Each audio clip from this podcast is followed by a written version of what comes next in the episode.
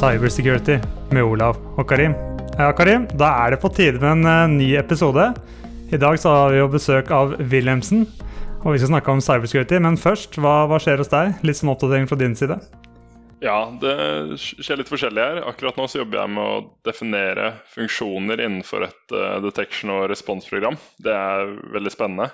Uh, så Foreløpig så har vi spikra det veldig høye nivået, og nå er det jo mer det å mappe de funksjonene inn mot individer og inn med teamet, hvor vi på en måte alle er enige om at de funksjonene stemmer da, med hva vi ønsker å gjøre. Og så er jeg fremdeles i Oslo, så det er litt lettere å spille inn pod med deg. Men jeg drar til New York hjem på lørdag. Eh, I dag er det mandag. Og så kommer jeg en tur til senere i sommer for å jobbe litt. Og kanskje jeg tar en ferietur hit òg. Og du, hva er planene dine for sommeren? Du kan begynne der, før du forteller hva du skal gjøre for jobb. Jeg skal jo lufte takdeltet mitt i fjor òg, som jeg gikk til innkjøp av i fjor. Så det er påmontert, det er testa. Og uh, nå sitter jeg og teller ned de siste tre ukene på jobb før jeg skal ut og lufte rundt i hele Norge. Der det er fint der, skal min vakre Volvo fra 1999 og taktelt uh, kjøre. Så det blir veldig bra. På jobb er vel egentlig samme sist. Jobber med en stor EM-pre-studie for en større kunde. Og jobber litt med omvålingsplan for to nye konsulenter som skal begynne rundt 1.9. For å få de ja, raskt inn i hjemmiljøet. Vi kjører jo en sånn intern skole på hjem, så det er ikke så lett å få tak i kandidater. Men får vi tak i gode folk, så har vi funnet at vi fort kan lære dem hjem med å bytte, putte med riktig team på et riktig spor. Så ja, det er vel det. Men det som er veldig mye mer spennende enn oss to, Karim, er jo kanskje hvem vi har med oss her i studio i dag. Morten, kanskje du har lyst til å starte med å introdusere deg selv? Det kan jeg selvfølgelig gjøre. Først sier jeg veldig hyggelig å bli invitert. Eh, det er en av mine favorittpodkaster her, så det er utrolig gøy å få lov til å være med på et av programmene deres. Så, men ja, Morten Dregn heter jeg. Jeg jobber som Director Security og GRC, Governance Risk Compliance, i, i Wilhelmsen. Eh, så det Wilhelmsen kan vi kanskje snakke om litt mer senere, men eh, det er i hvert fall et veldig stort maritimt industrikonsern da, som er eh, over 150 år gammelt og er fortsatt norsk familieeid. Så det er et veldig, veldig kult selskap.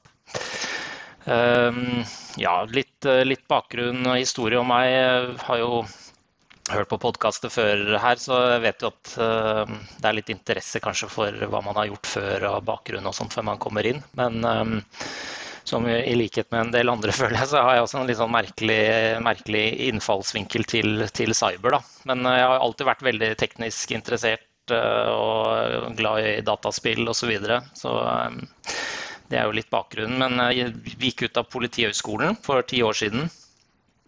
Og Politihøgskolen var i hvert fall ikke da var ikke så veldig high-tech akkurat. Men og jeg startet å jobbe med ganske umiddelbart etterpå med noe så lite high-tech som lommetyverier i Oslo. Og, og, og fange lommetyver på gata. Det var veldig gøy. Men det var ikke så veldig high-tech. Men, men, det vi fant ut ganske fort, var jo at disse lommetyvene de var ikke så veldig glad i å fortelle sannheten i avhør. Så da ble det å gå gjennom beslag, mobiltelefoner som de selvfølgelig hadde med seg osv., veldig sånn god innfallsvinkel for å finne ut hvor de var, hvor de hadde vært, hvem de hadde pratet med. Um, og også da for å kartlegge nettverk osv. Og, så og finne ut at uh, selv om det var litt, ja, litt sånn petty crime, så var det faktisk ganske organisert òg. Og de reiste rundt i hele Europa og stjal og sånn. Så det ble litt sånn innfallsvinkelen min til en sånn, å jobbe litt med forensics og analyse og den biten der. Og så um, fortsatte jeg litt med, med, etterretning også i politiet. Fikk lov til å ta litt utdanning innenfor etterretningsledelse bl.a. Um, jeg vet at dere har snakket mye om etterretning og threat intelligence på en tidligere episode. Um, og så fikk jeg egentlig muligheten til å jobbe i Nets, som jo er et sånn uh, ja, fintech slash uh, kritisk uh, finansiell infrastrukturselskap her i Norden og nå mer og mer Europa. Hvor jeg fikk lov til å jobbe med Threat Intelligence og ble, ble ansatt der. Da. Sikkert litt på bakgrunn av at jeg hadde jobbet med det jeg gjorde i politiet, med også da kredittkortbedragerier og sånn, men også etterretningsbakgrunnen min. Og det ble jo egentlig den virkelig store innfallsporten da, for meg til cyber. Eh, og etter det så var jeg hekta. Jeg eh, syntes det var eh, dritkult. Og satt der og leste meg opp og forhåpentligvis gjorde noe for verdi også med selskapet og fikk produsert litt rapporter og sånn.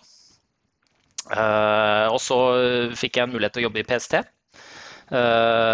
med statlige aktører og cyber, som jo også var veldig kult å få innsikt i ja, hvordan statlige aktører opererer. Da. og man, hva man burde gjøre for å gjøre det mest mulig vanskelig for dem. Og så endte jeg opp i Wilhelmsen, hvor jeg nå da er ja, ansvarlig for, for cybersikkerhetsprogrammet i, i Wilhelmsen. Ja, så det er liksom i korte trekk min, min bakgrunn. Kult. Det her viser jo, viser jo, Karim, at uh, nok en gang så er det mange ulike veier inn til cybersecurity. Man må ikke ha gått på Gjøvik eller uh, Trondheim for å kunne jobbe med det. Og det viser jo kanskje uh, vår neste gjest òg, Mari. Du òg har jo en litt annen vei enn å studert progging i fem år før du begynte å jobbe med cybersecurity. Kanskje du har lyst til å interessere deg selv for lyttere også? Absolutt. Uh, Mari Svestad heter jeg. Um, først og fremst vil jeg også gjerne si at jeg er veldig glad for å være her. Uh, for en som ikke har en teknisk bakgrunn, så har eh, podkastepisodene deres vært veldig til hjelp. Så det er veldig gøy å få vært her. Uh, bakgrunnen min er ikke like lang som Morten sin. Jeg fullførte skolen i fjor. Um, har tatt da bachelor og master i organisasjonspsykologi og ledelse. Og så har jeg da hatt et fokus på, hovedsakelig gjennom de fem årene, strategi og endringsledelse. Um, alltid sett for meg at altså, I og med at endringsledelse har vært det jeg har vært mest interessert i, alltid sett for meg en jobb i de baner. Um, også alltid sett for meg at jeg vil være i noe teknisk, i og med at det på mange måter er det feltet der man kanskje har mest behov for uh, endringsledelse og organisasjonspsykologi. Um, men hadde i utgangspunktet veldig lite kjennskap til cyber. Um, og så var det jo egentlig bare at jeg skulle scrolle på LinkedIn og titte etter jobber, og så hadde Morten lagt ut stillingen jeg har, um, og presiserte da at du ikke trenger å være noen cyberekspert for å søke på denne. Og så tenkte jeg at det var litt longshot, men uh, at jeg skulle prøve meg. Og så gikk det riktig vei. Uh, så begynte jeg Wilhelmsen nå i februar som da Cyber Security Awareness and Culture Specialist. Og det viser jo, Karim, at, at uh, Wilhelmsen har forstått noe. Noe veldig viktig når vi skal snakke om senere, At man kan ikke kun ha tekniske fagfolk på IT-sikkerhet, for IT-sikkerhet er så mye mer enn det. Men før vi går inn på fag nå som vi holder på å skli innom allerede, Morten, kan ikke du sette litt sånn Jeg og sikkert mange av dere er litt forvirra av Wilhelmsen versus Valenius, Wilhelmsen versus noen datterselskap. Hvem er dere, hvor jobber dere, og hvordan ser, den, ser det treet her egentlig ut? Ja, nei, det, Jeg tror ikke jeg skal gå i sånn superdetaljer. Det, eh, det, er et stort konsern. Det er et maritimt industrikonsern, mer og mer. Um, har jo en fantastisk lang og stolt historie. Uh, over 150 år uh, gammelt uh, norsk selskap, for, fortsatt på norske hender. og ja, de fleste forbinder vel fortsatt Wilhelmsen med skip og shipping, men det har jo blitt mer og mer da varer, tjenester innenfor det maritime. Så vi er vel til stede i 70 pluss land. Eh, ganske mange tusen ansatte, hvis du tenker på også de som vi har da ute på skip. Uh, og vi leverer jo da mannskapstjenester, uh, det som vi kaller agency og husbandry-tjenester, som er mer agenter i portene som hjelper med alt mulig rart når et skip kommer til kai, hvis de trenger uh, utstyr, supplies osv. Uh, og så har vi også en stor, en stor, del av konsernet som leverer kjemikalier og andre produkter kan kalle det litt sånn Jernia-aktig. Alt fra skruer og mutter osv. Videre, så det er, det er svært. Uh, og så har du selvfølgelig også Valenius Wilhelmsen, som er noe annet igjen. Men det er disse kjempestore ro-ro-skipene, som vi kaller det, som frakter biler uh, rundt omkring. Og så satser vi stadig mer også innenfor uh, digitalisering og fornybar energi. Eh, og vi eier noen supply-baser gjennom datterselskapet som heter Norsea rundt omkring i Norge. Og vi har også en veldig spiss ende eh, som heter Wilnor Governmental Services, som har avtaler med Forsvaret. Og bl.a. nylig har kjøpt opp eh, denne gamle ubåtbasen Olavsvern oppe i nord. Så det er ganske mye forskjellig som, som er Wilhelmsen, da. Men det er flagget som på en måte samler oss. Wilhelmsen-flagget. Og historien. Og En av de tingene dere har valgt å satse på, er jo nettopp dette med awareness, som vi var litt inne på introduksjonen til Mari. Um, kunne dere ikke sagt litt mer om hva dere definerer som awareness? For de fleste tenker jo bare at det er en phishing-test, og da har man på en måte eh, blitt ferdig med det kapitlet. Mm, absolutt. Um, ja, nei, jeg tenker jo at i utgangspunktet så handler awareness om å få cybersecurity i et selskap til et nivå som kan anses som fordelaktig for hele selskapet, og ikke bare security-teamet eller IT-teamet. Um, og bygge litt kultur rundt det, sånn at alle er on board. Um, jeg tenker jo at det er to ting som er veldig viktig med awareness, som kanskje ikke alle tenker like mye på. Uh, og det første ville vært at man gjør det forståelig. Um, jeg tenker at det lenge har vært et område mange regner med at IT bare tar seg av. Um, kanskje at det kun er relevant for IT. Og det er et område som er såpass fjernt eh, for mange, noe som mange anser som ekstremt komplekst. og Derfor er det kanskje veldig viktig å prøve å oversette kunnskapen på en måte som alle forstår, um, og tilrettelegge for at ansatte da kan flette den kunnskapen de lærer inn i hverdagen sin og måten de jobber på. Um, og det innebærer jo også da å sørge for at det er morsomt å ta del i.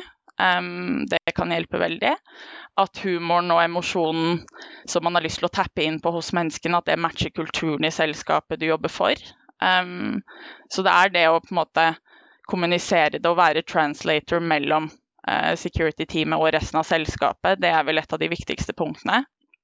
Et annet vil være det å tilrettelegge og aligne ikke bare da for diverse divisjoner, selv om det selvfølgelig også er veldig viktig, men også tilrettelegge for behov, ønsker, businessen, eh, menneskene. Jeg tenker at det er viktig å line med businessen for at man ikke skaper så mye hindringer for arbeidsprosessene. Um, og også line med menneskene, slik at man gjør det lettest mulig for alle. At man spiller litt på lag sammen. Ja. Og det var nettopp det her du sikkert forsto, Morten, når du lyste ut denne stillingen som Mari søkte på.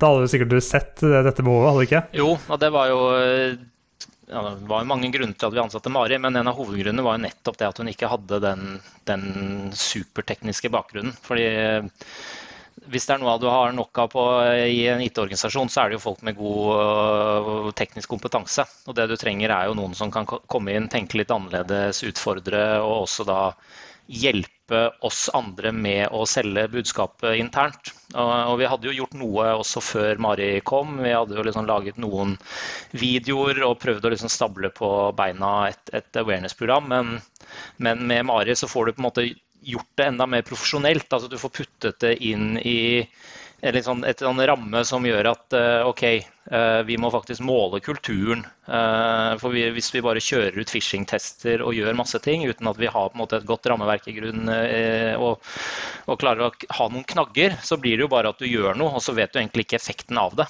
og det er på en måte ikke noe vits å gjøre noe hvis du ikke får målt den effekten. da. Så det, jeg syns det er kjempe, kjempebra og kjempekult at vi får inn folk med, med Mare sin bakgrunn inn i, i, i, cyber. Og Vi snakket jo så vidt om dette før vi begynte å spille inn, og dette med security allies, som du kalte det. Og Det minner jo veldig om det vi bruker um, som security champions blant utviklere. Men Kan du ikke si litt mer om hvordan det fungerer i et uh, awareness-program? Jo, absolutt. Um, hos oss så har det i hvert fall vært en stor del av awareness-initiativene og planleggingen rundt det for min del har vært networking. Um, og da utenfor security-teamet, utenfor IT-teamet. Men å skape relasjoner i forskjellige divisjoner, sånn at man sørger for at man så godt det lar seg gjøre er på samme page, og så da kan hjelpe hverandre litt. Um, F.eks. i Wilhelmsen så er det ikke så lenge siden vi implementerte vår Cyber Security Essentials course i HR-onboarding. Eh, og da har vi fått bruke HR-plattformen. Det når ut til absolutt alle i selskapet. Det når ut til nyansatte, som også er veldig viktig. Og så er det også en måte å sørge for at um, vi slipper å bruke så mye tid og ressurser på oppfølgingen der, i og med at det allerede er integrert i plattformen. Så det er et eksempel på hvor nyttig det kan være å ha uh, allies innad i organisasjonen. Og så sa Morten noe spennende, og det er at dere måler denne baseline på kulturen eller hvor dere er her. Hvordan gjøres det? Det er jeg litt sånn spent på. Ja, det er eh, en stor prosess hvis man skal eh, kunne ha et så representativt bilde som mulig eh, av security-kulturen. Måten vi gjør det på, vi er midt i det prosjektet nå, og vi gjør litt forskjellig. det er en survey som jeg vil si er forholdsvis high level um, som går ut på om man føler at man får nok oppfølging av security-teamet, om man tør å si ifra hvis man går på en smell og klikker på en phishing link f.eks. Um, hvordan man syns trainings har vært hittil, sånne type ting. Den går ut til hundrevis av ansatte, så der får man mye data sånn sett. Men som sagt så er det high level.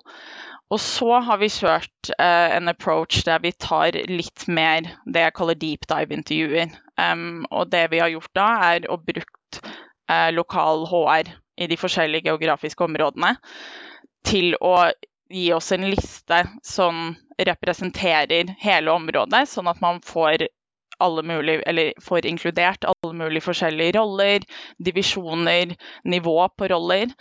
Um, og virkelig tatt da en times intervju der man snakker om hvordan, hvor mye kunnskap de har, hvordan kunnskapsnivået er i området de er i, hvordan de syns trainingsene har vært, om trainingsene faktisk har gitt de nok kunnskap til å kunne endre atferd, og også da om hva slags forventninger de har til oss som team. Um, hva slags behov de har, hva de ønsker seg fra oss. Um, som jeg syns er en veldig god måte å samle data på, på for å skape da, et representativt bilde av et så stort selskap som Wilhelmsen. Um, det er viktig å dekke de forskjellige områdene og de forskjellige behovene. Og på denne måten så får vi også møtt da, de ansatte litt på midten og spilt på lag. Kult. Det høres jo helt genialt ut, spør du meg. Hva tenker du, Kari? Ja, det, jeg ser jo på en måte utfordringen med forskjellige roller og hvordan alle har på en måte forskjellige hva skal man si, trusler hva kommer til uh, awareness også. da. Uh, så, så, man må gi de forutsetninger for å kunne stå imot. Og Vi var jo litt inne på dette med Human Operating System fra Lance Spitzner i introen her. Vil du ta en kjapp uh, rundt det? Ok, ja, Lance Spitzner er jo da director av SANS-instituttet. Um, jeg sitter på masse kunnskap om human risk i forbindelse med cyber security. Uh, jeg hadde et kurs hos de for tre måneder siden som var veldig bra. Og da forklarer han det at de tekniske operating systemsene har eskalert så raskt og så hyppig de siste årene, langt kjappere enn det mennesker har klart å gjøre. Så vi på mange måter er 20 år bak på den fronten. Um, og da er det enda viktigere å bruke litt tid og ressurser på menneskene for å kunne hjelpe oss være i nærheten av det teknologien da er nå. Absolutt, og det tror jeg treffer ganske bra. Høres i hvert fall ikke dumt ut i mitt hode. Jeg vet ikke om du har noen tanker, Kari? Nei, jeg er helt enig. Og så føler jeg nå vi har dekket ganske bra på awareness. Men awareness er jo bare en del av hva skal man si, det store bildet eh, når det gjelder strategisk styring av et cyberprogram. Jeg tror vi tenker veldig likt og gjør mye av det samme der, Morten. Eh, kan ikke du nevne litt om hvordan dere måler og definerer et program på cybersecurity? Mm. Det kan jeg gjøre. Vi, eh, ja, vi, vi, vi startet jo med en sånn modenhetskartlegging eh, i 2019. Eh, og det vi har gjort, er jo da å bruke NIST eh, CSF, altså Cyber Security Frameworket, som, en, som et utgangspunkt. Og da bruke denne CMMI-skalaen, altså 1 til 5, hvor, hvor 5 er på en måte best, men samtidig så er det sånn at ikke alle organisasjoner trenger å ligge på fem. Eh, for da, på en måte, da investerer du ekstremt mye i sikkerhet, og det trenger ikke alle å gjøre. Mens de fleste organisasjoner bør kanskje ikke ligge på én, da. Men det gjelder litt å finne, finne modenheten. Og så er jo, føler jeg også det å sitte og jobbe med sikkerhet, i hvert fall på sånn strategisk nivå, det er jo, det er jo veldig mye gap-analyser. Så det handler jo egentlig veldig mye om å finne ut hvor du er, og så finne ut et fornuftig sted hvor du, du skal. Og så er det da å, å sette opp prosjekter uh, for å komme opp dit, da. Så det vi gjorde var å kjøre en sånn full 360 vurdering av oss basert på NIST. Uh, og da er det jo alle disse selvfølgelig områdene fra Identify, Protect, og Detect, Respond, Recover. Uh, og så fant vi ut at vi lå et sted. Jeg kommer ikke til å si her akkurat hvor vi lå. og så fant vi ut at vi skal et annet sted. Og så er det litt å få med seg management. Og det, det, det som er veldig bra med en sånn måling, er jo at eh, du, du får veldig sånn gul og grønn og rød, som ledelse er veldig glad i. Og så er det litt å få dem med på historien om at OK, Mersk opplevde dette ikke sant, tilbake igjen med NotPetya. Uh, hele maritim industrien er ganske umoden når det kommer til cyber. Dette er ikke et sted vi ønsker å ligge. Vi burde komme oss opp dit. Uh, og da må vi gjøre dette dette, og da må vi gjøre sånn. ikke sant? Og særlig innenfor dette området så vi ønsker vi å prioritere det. Så du får en veldig sånn, føler jeg, sånn fin historiefortelling da, som du kan få med styre og toppledelse på. Og så høres det jo selvfølgelig veldig enkelt ut. Det er jo ikke så enkelt. Men, men da får du i hvert fall et litt sånn språk, da, hvor selv du kan få med de som ikke nødvendigvis vet, nødvendigvis vet at, uh, hva eh, next generation endpoint protection er. Men de forstår på en måte at ok, vi er bare vi er på gult når det kommer til uh, det området der. Vi vil opp på grønt, og for å gjøre det så må vi gjøre det. Vi må gjøre sånn, og vi må investere så mye penger. Så det er litt det vi gjør. Og jeg forstår også Karim, at uh, dere gjør mye av det samme, da, selv om selvfølgelig vi er forskjellige organisasjoner og, og kanskje risikoappetitten er også da litt forskjellig, og hvor man ønsker å ligge. Ikke sant. Ja. Nei, men vi bruker nettopp samme måling som dere i form av uh, Cybersecurity Framework og mapper det på en skala fra 1 til 5. Og så får man jo gjerne inn uav et uavhengig konsulenthus f.eks. Sånn at alt ikke er basert på at man sitter og klapper seg selv på skulderen og sier hvor bra man gjør det. Det er greit å få en second opinion iblant også. Absolutt. Altså, det, altså, det, jeg tenker er en veldig sånn interessant diskusjon rundt det der, er jo nettopp å finne det riktige nivået å ligge på. Og der har jo vi, vi har også brukt et eksternt konsulentfirma for å hjelpe oss eh, å komme i gang. Uh, og vi har vel egentlig lent oss veldig mye på dem på en måte for å si litt sånn OK, dette er det nivået dere burde ligge på, dere, dere er i den industrien. Uh, dette ser vi hos andre kunder vi har vært og gjort det samme hos. Uh, men samtidig så er det jo sånn Eh, selv om jeg er glad i sikkerhet, så skal man jo på en måte heller ikke overinvestere i sikkerhet. Så akkurat den, den er veldig interessant. Liksom sånn, hva er riktig nivå? Eh, og, og, klare å ha de diskusjonene med toppledelsen eh, og styret på hva som er riktig nivå.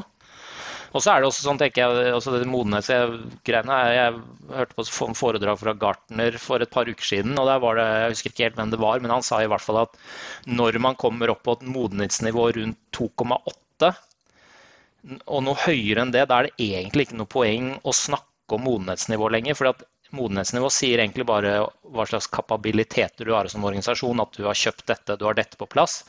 Men det sier jo egentlig ingenting om risiko risikoen og, altså En organisasjon som har modenhet 5, kan jo leve i et ekstremt trusselbilde og allikevel være mye mer risikoutsatt enn en virksomhet som har modenhetsnivå 3, men som opererer i en helt annen type uh, industri. Så det var, liksom sånn, ja, Hvor lenge skal man snakke om modenhet? Uh, og hvor kontra da mer konkret risiko og sånne ting. Da. Så det er, det er liksom ja, noen av de tingene vi står i hos oss. Ja, og jeg tror jo på et visst modenhetsnivå så vil man jo samtidig automatisk eh, gjøre en sånn endring til å heller snakke om risikoer, da. Fordi risikoer eh, er på en måte noe du kommer til på et modenhetsnivå. Eh, og det samme gjelder jo det med å bedre forstå eh, trusselbildet man er i, da. Eh, men er det sånn at dere på noen måte som Altså dere er jo kommersielle. Er det sånn at dere ser på cybersecurity som et konkurransefortrinn ennå, eller er det ikke helt der ennå? Hvor dere liksom kan gå ut og si at dere kan være et bedre valg som følge av at dere fokuserer på det? Og er det eventuelt noe dere tenker i fremtiden? Nei, det har jo vært et av si, mine interne salgspunkter hele tiden. Da, at det også kan brukes kommersielt. At uh, dette kan bli et konkurransefortrinn. Hvis vi er gode på dette, så skal det nok ikke så mye til før vi gjør mye annet. Da. Uh, eller gjør mye mer enn det andre gjør. Og da sånn sett kan kanskje være en, uh, en mer attraktiv partner. Vi ser jo en del selskaper i, innenfor det maritime som får større og større bevissthet eh, rundt dette med cyber og stiller mer og mer krav. Um, så, så, jeg tror absolutt at, vi, at, dette, at det, sikkerhet kan og er et konkurransefortrinn uh, for mange selskaper. Men jeg vet ikke, jeg, liksom, jeg føler at det, er litt sånn skummelt òg. Å skulle sitte og drive og reklamere med det. sånn at vi er, liksom, vi er så gode vi gjør alt bra. Og så vet du jo egentlig at uh, ja, Men det du kan si, da, det er at um, at vi kan i hvert fall love at vi, vi, gjør det vi kan, og vi gjør så godt vi kan, og at vi investerer, og at du også da kan bruke disse modenhetsvurderingene som en slags på en måte, baselining ut til kunder for å vise at du, du Ja, vi er faktisk på dette nivået. Ehm, men, men det, er jo, sant, det, er jo, vanskelig, det òg. For vi, vi, når man velger leverandører, så får du alltid sånne glossy papers eh, i retur med vi er sånn sertifisert og vi gjør alt riktig og sånn. Så det er jo Men ehm, ja, man, ja nei, det, det er, man må i hvert fall kunne stå for hva man gjør, og, og at man gjør det man kan, tenker jeg. Uh, og så tror jeg absolutt at det, det vil være et konkurransefortrinn kontra noen som da uh, ikke gjør noe, eller som bare ikke klarer å svare ut noe som helst. Synes jeg høres veldig bra ut. og Jeg ser jo det selv. Nå jobber jo ikke jeg så mye med leverandører i den maritime sektoren, men uh, generelt på leverandører så får du fort den filen på om de bare har et ISO 27001, som vi har snakket litt om tidligere, og liksom kan gå god for den, eller om de faktisk klarer å svare på at ok, de er, det her er oppegående folk. og Problemet er jo at det blir jo aldri perfekt i cyber. Uh, og Det er vel det man sliter litt med å gi slipp på, den, den aksepten da, for at ok, det, det, kommer aldri til å bli perfekt. Uh, men det er jo der risiko kommer inn igjen. da. Jeg vet ikke om Olav og Mari om dere har noe å legge til jeg, før vi begynner å wrappe opp dagens episode? Nei, all good for min del. Syns det var veldig interessant å Egentlig hele episoden er veldig interessant å høre hva dere gjør på awareness-siden, men også veldig interessant å høre hvordan man måler maturity. Og kult å høre at det NBM og Wilhelmsen gjør og tenker mye av det samme. Og så tenker jeg, for Hvis jeg skulle vært en kunde, så ville jeg jo absolutt titta på og stilt noen krav til leverandøren. Og hvis en leverandør som gjør mye for deg, som er viktig for deg, ikke kan vise til noe som helst omtrent, ja, da er det vel absolutt et konkurransefortrinn å kunne vise til i hvert fall at man gjør det man kan, og som man tenker at det er fornuftig, så lenge det er rasjonelt for eh, begge parter. Ikke sant? Mm. Ja, nei, for min del så er det også veldig stolt av det Wilhelmsen får til på cybersecurity-fronten. Um, og syns også det var kult å høre at det var så mye likheter med MBIM.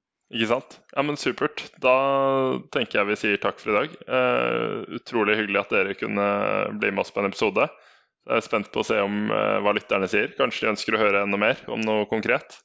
Absolutt. Tusen hjertelig takk for at dere kom, eh, Mari og Morten. Tusen takk for invitasjonen.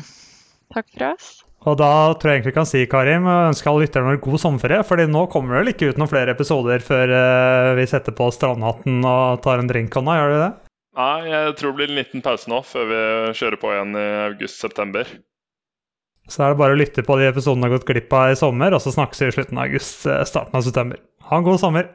God sommer.